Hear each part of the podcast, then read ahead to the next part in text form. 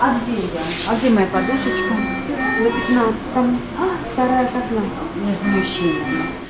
Un kur man būs jāguļ, un kur ir mans spilventiņš 15. gultā starp vīriešiem? Lietišķi ģērbtā aptuveni 55 gadu vecā kundze ienākusi Stradiņas slimnīcas hemodialīzes nodaļā, nosvērusies un jokojas. Šo vietu viņa zina gadiem ilgi. Вот и смене все мужчины. Šajā maiņā visi ir vīrieši, atbild māsiņa un atskan joki. Paciente drošā solī dodas uz gultu, somā līdz viņai ir krustvārdu mīklu žurnāls, un viņa ērti iekārtojas. Izklausās jau omulīgi, kāds gulētājs austiņās klausās mūziku, kāds skatās planšetdatorā vai vienkārši guļ. Taču īstenībā nekā patīkama te nav. Viņa un citi saka, ka Dzīve ir piesaistīta gaidāmajai procedūrai. Šai kundzei un vēl daļai pacientu ļoti palīdzētu donora niere, bet lielā telpā 18 gultās gulošos pacientus māsiņas pieslēdz hemodialīzes aparātiem mākslīgajai nierei. Tā ir kā attīrīšanas ierīce. Lielajos aparātos var vērot, kā riņķo viņu asinis. Procedūra ilgst 4 stundas un daudz nāk trīs reizes nedēļā. Protams, daži ir, kas strādās, bet, protams, kam vajadzīgs darbinieks, kurš var atnākt otrdienu un ceturtdienu uz darbu, teiksim, pārējās dienas viņš ir aizņemts. Stradiņas slimnīcas nieres transplantācijas nodaļas vadītājs Jānis Bicāns teica, ka maz ir pacientu, kas pēc hemodialīzes var aiziet uz darbu, jo ne visi jūtas pēc tam labi. Nu, тебе в руку колят две иголки. Nu kā, tev rokā iedur divas adatas, tām pieslēdz īpašu sistēmu, pa kuru tavas asinis vispirms dodas uz aparātu, iziet cauri filtram un tad atgriežas tevi atpakaļ. Un tā tas viss turpinās četras stundas. И так в течение четырех часов. Arī šo jauno puisi, sauksim viņu mainītā vārdā par Igoru, satieku Stradiņas slimnīcā. Nieru maspēja viņu nomoka turpat 20 gadu. Puiša rokas, tāpat kā citiem gulētājiem, ir rētainas no adatu durieniem. Uz Igora apakšdēlma izveidojies liels apaļš veidojums, it kā zem ādas būtu bumbiņa. Ну вот это и есть эта фистула, но правда она у меня во вторник Tā ir tā fistula. Redziet, šajā vietā vēna ir sašūta ar artēriju, un venozās un arteriālās asinis savienojas. Lielā arteriālā spiediena dēļ vēnās sieniņas paplašinās, un tā visa ir vēna. Sieniņas ir biezākas. Paskatieties, cik daudz adatas dūrienu, un adatas jau arī nav pavisam smalkas. Taču, diemžēl, nu šī fistula pēc 14 gadiem pārstāja strādāt, tāpēc man kaklā ielika katetru она перестала работать. Ну, так совпало вот как раз. Kalsnais puisis ir aizrautīgs un runātīgs, taču vairāk nekā puse viņa dzīves bijusi atkarīga no aparātiem. Šoreiz uz Rīgu Igors atbraucis no pilsētas, kur dzīvo un trīsreiz nedēļā saņem hemodialīzi. Šobrīd viņš nestrādā, jo procedūru vairs nevarot savienot ar darbu. Viņš zina cilvēkus, kuri uz hemodialīzi mēro pat 80 km garu ceļu, arī kad ārā ir lietus vai putenis. Izlaist hemodialīzi nevar. Мы как община, да, то есть мы же приходим одни и те же люди, да, ну то есть Mēs visi esam kā kopiena. Tie paši cilvēki taču atnāk parasti. Mēdz gadīties, ka atnāc un kāda cilvēka nav. Tad parasti jautājam, vai viņu aizved uz pārstādīšanu. Nē, tad saprot, ka šodien viņš neatnāks un vairs neatnāks nekad. Pārsvarā jau te ir vecāki cilvēki, bet jauniešu arī ir arvien vairāk. Kad atnāk jauns pacients, mēs izstāstām, kā tas viss notiek, lai saprot, noskaņojas. Daudz domā, ka dialīze nozīmē aizej uz klīniku, tev uztaisīs procedūru, patīrīs asinis, un tu vesels dosies mājās. Bet tas var būt uz visu dzīvi. Я говорю, нет, это на всю жизнь. Tagad Igors gaida, kad būs saderīga donora niere, jo tad varēs izlausties no aparātu gūsta. Viņš arī zina, kāda ir dzīve ar pārstādītu nieri, bet par to nedaudz vēlāk. Donori tomēr vienmēr ir mazāk nekā vajadzība. Dakteris Bicāns teica, ka miruša donora nieri vidēji gaida aptuveni 30 līdz 50 cilvēku. Tā nepavisam nav rinda, drīzāk asins sadarības grupas. Donora sirdi savukārt gaida aptuveni 10 cilvēku. Taču kāds ir ceļš no donora līdz orgānu pārstādīšanai, skaidroja gan Stradiņas slimnīcā, gan arī kādā no galvaspilsētas attālākā Latvijas slimnīcā. Vienojamies, ka tās nosaukumu ierakstā neminēsim un arī reanimatologa vārdu ne, lai runājot par šādu jūtīgu tēmu, īpaši kādu neizceltu un lai arī saruna būtu neformālāka. Ceļa sākums ir slimnīcas reanimācijas nodaļā. Reanimācijas nodaļa, man darba vieta, varētu teikt, mūsu valstība, jeb vieta, kur glāba dzīvības, smagiem pacientiem. Ja. Reanimatologs izrāda nodaļu, kur ir sešas gultas vietas, arī operāciju zāle. Arī šodien te guļ četri smagi slimi cilvēki, taču viņiem ir citas kaitas. Nav neviena ar smagu postošu smadzeņu bojājumu. Pērn šajā slimnīcā bijuši četri iespējamie donori. Citu gadu atkal neviens, saka reanimatologs. Ir smagi pacienti, kas nonāk reanimācijā. Pārsvarā tās ir galvas traumas pēc autoavārijām, pēc asins izplūdumiem un pārsvarā tie ir jauni cilvēki. Reanimatologam viņi ir pacienti, par kuru dzīvību cīnās un glābi, taču ir situācijas, kad ārsta spēkos vairs nav palīdzēt, ja konstatē sirds apstāšanās vai smadzeņu nāve. Teiksim, ja pacients ir bezsamaņā, viņš ir intubēts, viņš tiek ventilēts ar mākslīgo plaušu ventilācijas aparātu. Un, eh, ja šo ventilāciju var veikt bez medikamentoza miega, kur teiksim, pārtrauc un viņš nepretojās tam, nav vairs refleks, lai pretotos mākslīgās plaušu ventilācijas aparātam, tad diennakti pēc šo medikamentu pārtraukšanas mēs eh, kopā ar neiroloģu izvērtējam smadzeņu darbību, jā, pēc arī tās glāzgovas komas skalas, kas ir starptautiski pieņemta. Tāda, ja teiksim, ir eh, trīs balvas, tā ir pati mazākā. Teiksim, tad, kad nav, kad vispār smadzeņu nav. 15... Tad reanimatologs vai nodaļas vadītājs sazinās ar Stradiņas slimnīcas Latvijas transplantācijas centru. Stradiņas slimnīca Latvijā ir vienīgā, kur veic orgānu pārstādīšanu. Un izstāstam par šo situāciju, kāds ir pacients. Dati, protams, ir konfidenciāli, bet eh, viņi pārbauda datu bāzē vai nav bijis dzīves periodā, kad viņš bija vesels, aizliegumu, teiksim, ka viņš ir iebildes pret to, ka viņa orgāni varētu tikt izmantot transplantācijā. Mums pašiem nav pieeja šai Mums datu. pašiem šāda pieeja nav. Datu bāze ir konfidenciāla, tā ir pieejama tikai noslēgtam lokam lietotājai. Pirmo sarunu ar piederīgajiem veda reanimatologs, un šīs sarunas vienmēr ir smagas. Tie ir parasti jauni cilvēki, pilni spēka, dzīvības, veselīgi bijuši, ja kuram pēkšņi teiksim, izskrien zvērs mašīnai priekšā, un kuram tā galva ir sadragāta un teiksim, kauli sadragāti, smadzenes. Teiksim, nu, tā, ka tur īstenībā tas ir dzīvību nesavienojams, smagas traumas, ir tajā pašā laikā cits pārējais, varbūt vesels. Cilvēks bez tā centrālā procesora, bez smadzenēm, kā saka, nevar dzīvot. Tas nav iespējams. Nu, es personīgi cenšos ar šiem tuviniekiem runāt, it kā man viņi būtu tuvu cilvēki, un tās sarunas ir ļoti smagas. Ja? Viņi nevar to pieņemt, ka viņu trauma ir nesavienojama ar dzīvību, vai tas vispārējais stāvoklis. Tad, tad bieži vien tad mums ir atsevišķa telpa, kur mēs to runājam. Un tad es izstāstu gan par visiem veiktiem izmeklējumiem, gan par radioloģisko atradu, gan par analīzēm, gan par konsultācijām, kāds ir stāvoklis. Un mēs cenšamies arī stāstīt to, ka teiksim, viņš ir dzīvību nesējis, ka viņš var izglābt vēl citus cilvēkus. Jā. Reanimatologs arī tuviniekiem pasaka, ka par šo gadījumu informēts ir transplantācijas centrs, un ar viņiem aprunāties atbrauks arī ārsti no Rīgas. Laika ir maz, ja iestājusies smadziņu nāve, parasti arī citas funkcijas ir traucētas, piemēram, pazemināta vai paaugstināta ķermeņa temperatūra, traucēta sirdsdarbība vai asinsspiediena problēmas. Pērn bija gadījums, ka šo slimnīcu transplantologi pat nepaspēja atbraukt, jo apstājās sirds. Mēs strādājam dienu un nakti. Un Brīvdienas mums nav tādu brīvdienu. Šīs transplantologa darbs nav saistīts ar brīvdienām vai kaut kāda ģimenes svētkiem. Nekad. Stradiņas slimnīcas Latvijas transplantācijas centra transplantologs Jānis Jušinskis stāsta, ka komandas darbs sākas minūtē, kad pienāk ziņas no reanimācijas. Donors un mūsu koordinators tad sāk to visu inicēt procesu. Visu reģistru, analīzes, brigādes savākšanu, ja ir iespējams ar piederīgiem izrunāt, tad to jānorganizē, jāizdara. Latvijas likumi neprasa sarunas ar piederīgajiem un viņu piekrišanu.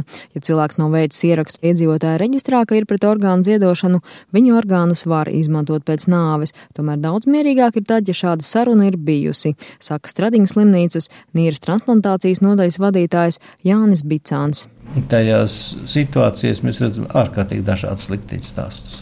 Notikusi nelaime, un ģimenē tas ir vienīgais pelnītais bieži vien, un visā tas brigāde atgriežas kādreiz pēc tādiem pasākumiem, jāsaka, nu, pilnīgi grūti kontaktējama no pārdzīvojumiem. Izdibināt piekrišanas iemeslu sarunā ar piederīgajiem ārsti necenšas, vairāk skaidro nepieciešamību un pozitīvo efektu stāsta Bicāns, bet mēdz būt arī atteikumi. Atteikumi bieži vien, jā, tur mēģina piesaukt reliģiskās lietas, lai gan, nu, protams, reliģiskie uzskati absolūti nevienā vietā nav šķērslis. Dažās mēs negribam, un, un, un parasti atteikumi ir tādi neīsti motivēti. Tos cilvēks nevar saprast. Ja sarunas ar tuviniekiem norisinājušās labi, tad Stradiņas slimnīcas komanda veic orgāna izņemšanas operāciju, turpat slimnīcā, kur atrodas donors. Pēc izņemšanas daži orgāni iztur ilgāku laiku bez asinsrites, bet daži pavisam īsu.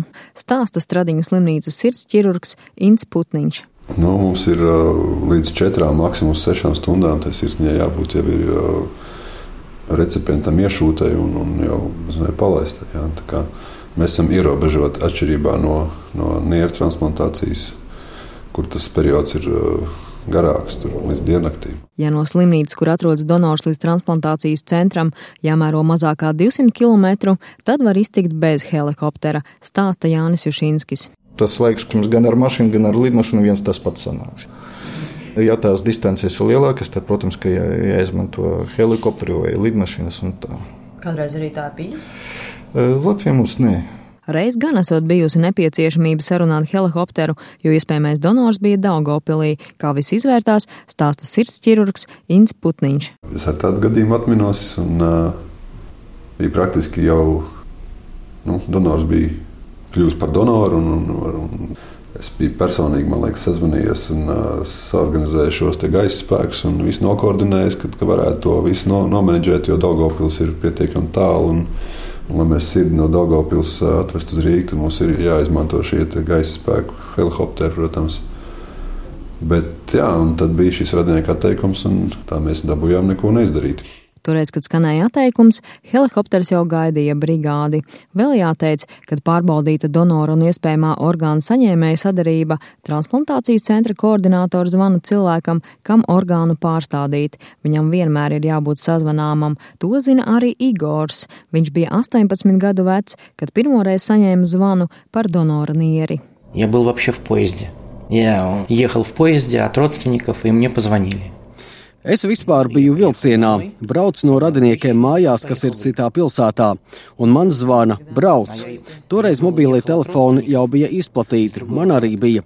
Kad tev tā piezvana, pirmajās minūtēs nezini, pie kā pieķerties, kur likties, ko ņemt līdzi. Tāda kā neliela dezorientācija sākumā. Taču tad saproti, jā, jāsagatavojas, jāņem līdzi lietas, un tu brauc. Kas notiktu, ja Igors nebūtu atbildējis uz zvanu, skaidro dakteris Jānis Bicāns. Zvanīt citam. Ir tādi, kuriem kaut kādas ķibeles parādījušas pa to laiku, kamēr viņš bija uz pēdējo kontroli. Viņam pēkšņi bija temperatūra vakar, vis, kuru nevar operēt. Visādi gadījumi ir, bet, nu, protams, tas koordinatoram tas ir ļoti liels papildus galvas sāpes vienmēr, jo vienmēr jau ir kuram der, kuram neder, vecumi, lielumi. Pat nieru pārstāvot, mēs rēķinām to, ka, teiksim, donors ir bijis liela auguma un ir liela. Mēs nevaram viņu īsti pārstāvīt nelielam augumam vai vēl sliktāk mazu nieri lielam. Jāteic, ka visā Eiropā transplantologi ar vien lielāku uzmanību pievērš jautājumam, kā panākt to, lai mirušu donoru orgānus neapglabātu, lai slimnīcu intensīvās terapijas nodaļas ziņotu transplantologiem. Arī Latvijā šis nav bijis viegls jautājums un ir slimnīcas, no kurām ir ļoti maz donoru orgānu, taču sadarbība pamazām uzlabojas un nozīme ir arī valsts atbalstam. Un no 2015. gada līgumā ar slimnīcu ir iekļauts atsevišķi izdalīts finansējums finansējums tieši šo transplantācijas koordinātoru darbam reģionos. Nacionālā veselības dienesta pārstāve Evija Štālberga stāsta, ka dienestā ar lūgumu bija vērsušies Stradiņas slimnīcas ārsti, un no šā gada sākuma valsts piešķīrusi naudu diviem koordinatoriem reģionos. Nu, arī visi šie līdzekļi tiek plānoti vienai darba slodzei, bet šī slodze tiek sadalīta uz vairākiem darbiniekiem, kas strādā pamatā ārstniecības iestādēs un šīs iestādes ir Liepājas reģionālā slimnīca, Daugavpils reģionālā slimnīca un Rīgas Austrumklīniskā universitātes slimnīca.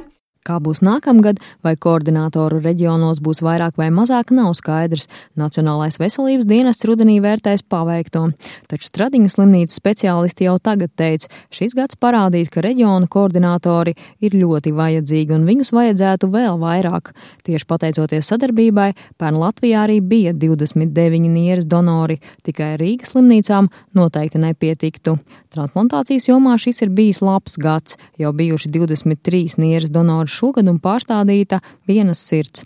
Pilsētās, kur nav šo koordinātoru, ziņošana balstās pārsvarā uz reanimatologu entuziasmu. Tā ir arī ar šajā sižetā uzrunāto reanimatologu. Kolēģu attieksme ir dažāda, viņš atzīst. Šis darbs mums ir nu, pretrunīgs. Jā. Mēs esam no vienas puses reanimatologi, kurš cīnās par cilvēku dzīvību, ja tā pacienta dzīvību, kurš mums ievests ir ārstēšanā un glābšanā, ja, un otrs puses mums jāsaprot, ka mēs viņu nevaram izglābt un ka to var izglābt citu. Ja. Un, un kolēģi domas arī dalās, bieži vien arī ir tādi, kuriem saka, ka viņi nedarīs un nerunās ar tiem piedarīgiem. To mēs nedarīsim, tas mums ir pa smagu, mēs to psiholoģiski nevaram izturēt. Ja. Nu, tā tas ir, un ar varu to nevaram uzspiest. Ja. Arī citās valstīs bijušas problēmas ar sadarbību slimnīcu un to nodaļu vidū. Par tām runāja ar Eiropas komisijas līdzfinansētajā akordu programmas noslēguma konferencē jūnijā Madridē. Starplaikā arī par to jautāju transplantācijas speciālistam Andriesam Oicmam no Nīderlandes. Jā, mums bija tā pati problēma bet man tiešām nepatīk to teikt, bet vienīgais, kas te tiešām līdzēs, ir atalgot slimnīcas, kuras ziņo par donoru. Ja cilvēkiem par šo papildu darbu slimnīcā nesamaksās, nekādu panākumu nebūs. Savukārt Ferlanīnī slimnīca Romā, lai veicinātu sadarbību starp speciālistiem vienā slimnīcā, pilotprojektā bija izveidojusi īpašu plakātu. To uzlika pie sienas kabinetā, kur mediķi aizpilda dokumentāciju. Uz plakāta ir rakstīts viens vārds - give, tulkojot no angļu valodas dot. Katrs burts angliski apzīmē vienu kritēriju. G nozīmē Glasgovas komas skalu, I intubāciju, V plaušu ventilāciju, E dzīves beigu vadīšanu. What does it mean? It means that nurses Tā ir Ferlanīnijas slimnīcas intensīvās terapijas nodaļas māsa Ērsa Fellere. Viņa stāsta, ka neatliekamās palīdzības speciālisti identificē pacientus ar smagu postošu smadzeņu bojājumu, un ja tie atbilst visiem šiem kritērijiem, kas minēti plakātā, tad būtu jāizdomājas, ka iespējams viņi var kļūt par donoriem. Tas ir kā atgādinājums, tad seko ziņošana transplantācijas koordinatoriem, virkne pārbaužu un sarunas ar tuviniekiem. Pērn, izmantojot šo atgādinājumu, orgānu ziedošana slimnīcā uzlabojusies par trešo daļu. Protams, orgānu ziedošana arī Latvijas sabiedrībā izsauc dažādu reakciju, arī aizdomu pilnu, kā piemēram, ja nu domājot par donoriem pacientu reanimācijā neārstēs tik labi, kā vajadzētu, nemaz necentīsies glābt, taču dakteris Jānis Bicāns saka, Tuvinieki piekrīt ziedošanai tikai tad, ja ir pārliecināti, ka ārsti patiešām darījuši visu cietušā cilvēka labā. Un tur, kur ir laba ārstēšana, tur arī ir iespējama donora. Jo tur, kur ir švakāka ārstēšana, kur ir kaut kādas ķebeles, tur nebūs donora. Tur tie piederīgie vienmēr būs pretī. Piederīgie ir teikuši, ka ziniet, mēs saprotam un mēs atbalstām to. Tas nozīmē, ka viņi ļoti uzticas tai ārstnieciskai palīdzībai, medicinai, kas ir šajā slimnīcā.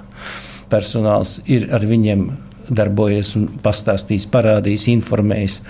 Viņi saprot, ka jā, viņu tuviniekam izdarīja visu, lai viņš varētu dzīvot. Diemžēl tā vairāk nav. Nu, tad bieži vien tie cilvēki, jā, bet tas dēls vai meita vai vīrs vai sieva kas gājis bojā, viņš gribēja palīdzēt cilvēkiem, un e, viņš arī tagad grib to darīt. Pacientam donoru niere paver iespēju uz pilnīgi citu dzīvi. Dr. Bicāns arī teica, ka valstī nieres transplantācija izmaksā stipri lētāk nekā ilgstoša hemodialīze. Tradiņas slimnīcā satiktais pacients Igors gan uzreiz saka, protams, tā ir loterija, Var paveikties, var nepaveikties. Ārsti Latvijā teica, ka vidēji bojā gājuši donoru nieri strādā 5 līdz 10 gadus. Igoram divreiz pārstādīta donoru niere, pirmā kalpoja pusotru gadu, jo viņš saslims ar vīrusu, otrā 5,5 gadus. Я вам скажу так, когда она была, это время пробежало как один миг. Kad bija donora niere, šis laiks paskrēja kā viens brīdis. jo pie laba pierodi ātri. Īstenībā tu esi brīvs, vari paņemt zāles un braukt kaut vai uz ārzemēm.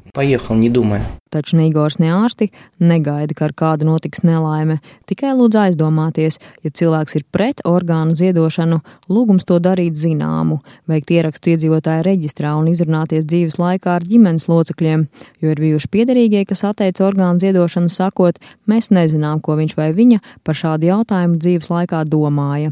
Latvijā šobrīd viens donors var glābt trīs cilvēku dzīvības, taču ārvalstīs, kur pārstāda arī aknas plaušas un citus orgānus, pat astoņus.